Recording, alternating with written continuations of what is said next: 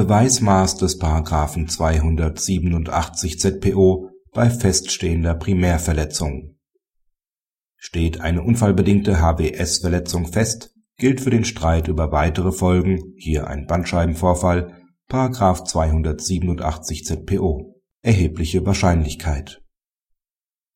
Der Kläger erlitt beim Unfall unstreitig eine HWS-Verletzung und erhielt dafür 500 Euro Schmerzensgeld.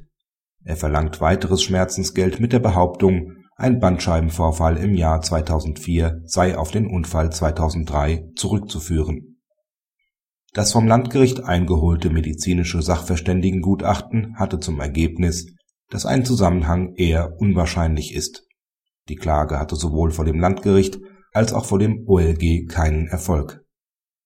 Aufgrund der unstreitigen Tatsache einer unfallbedingten Verletzung der HWS gelte zwar das geringere Beweismaß des § 287 ZPO, es reicht dann eine erhebliche oder überwiegende Wahrscheinlichkeit aus, wobei der erforderliche Grad je nach Einzelfall variieren kann.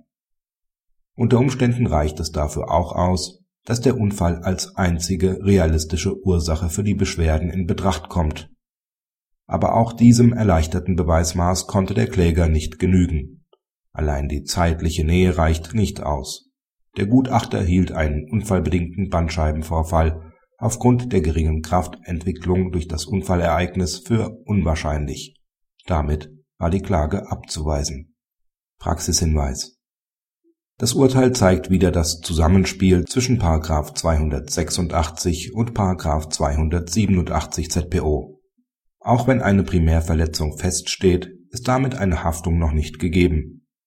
Auch wenn das Beweismaß dann geringer ist, muss zumindest eine höhere Wahrscheinlichkeit für eine Unfallbedingtheit bestehen. Dies gilt im Bereich der HWS auch für den nicht selten diagnostizierten Bandscheibenvorfall selbst wenn dieser in einem gewissen zeitlichen Zusammenhang mit dem Unfall diagnostiziert wird, reicht dies als Nachweis noch nicht aus. Im Gegenteil ist die Krafteinwirkung bei leichteren Unfallereignissen in der Regel nicht ausreichend, Bandscheibenvorfälle hervorzurufen. Eine traumatische Bandscheibenruptur ist eher selten und erfordert eine erhebliche adäquate Krafteinwirkung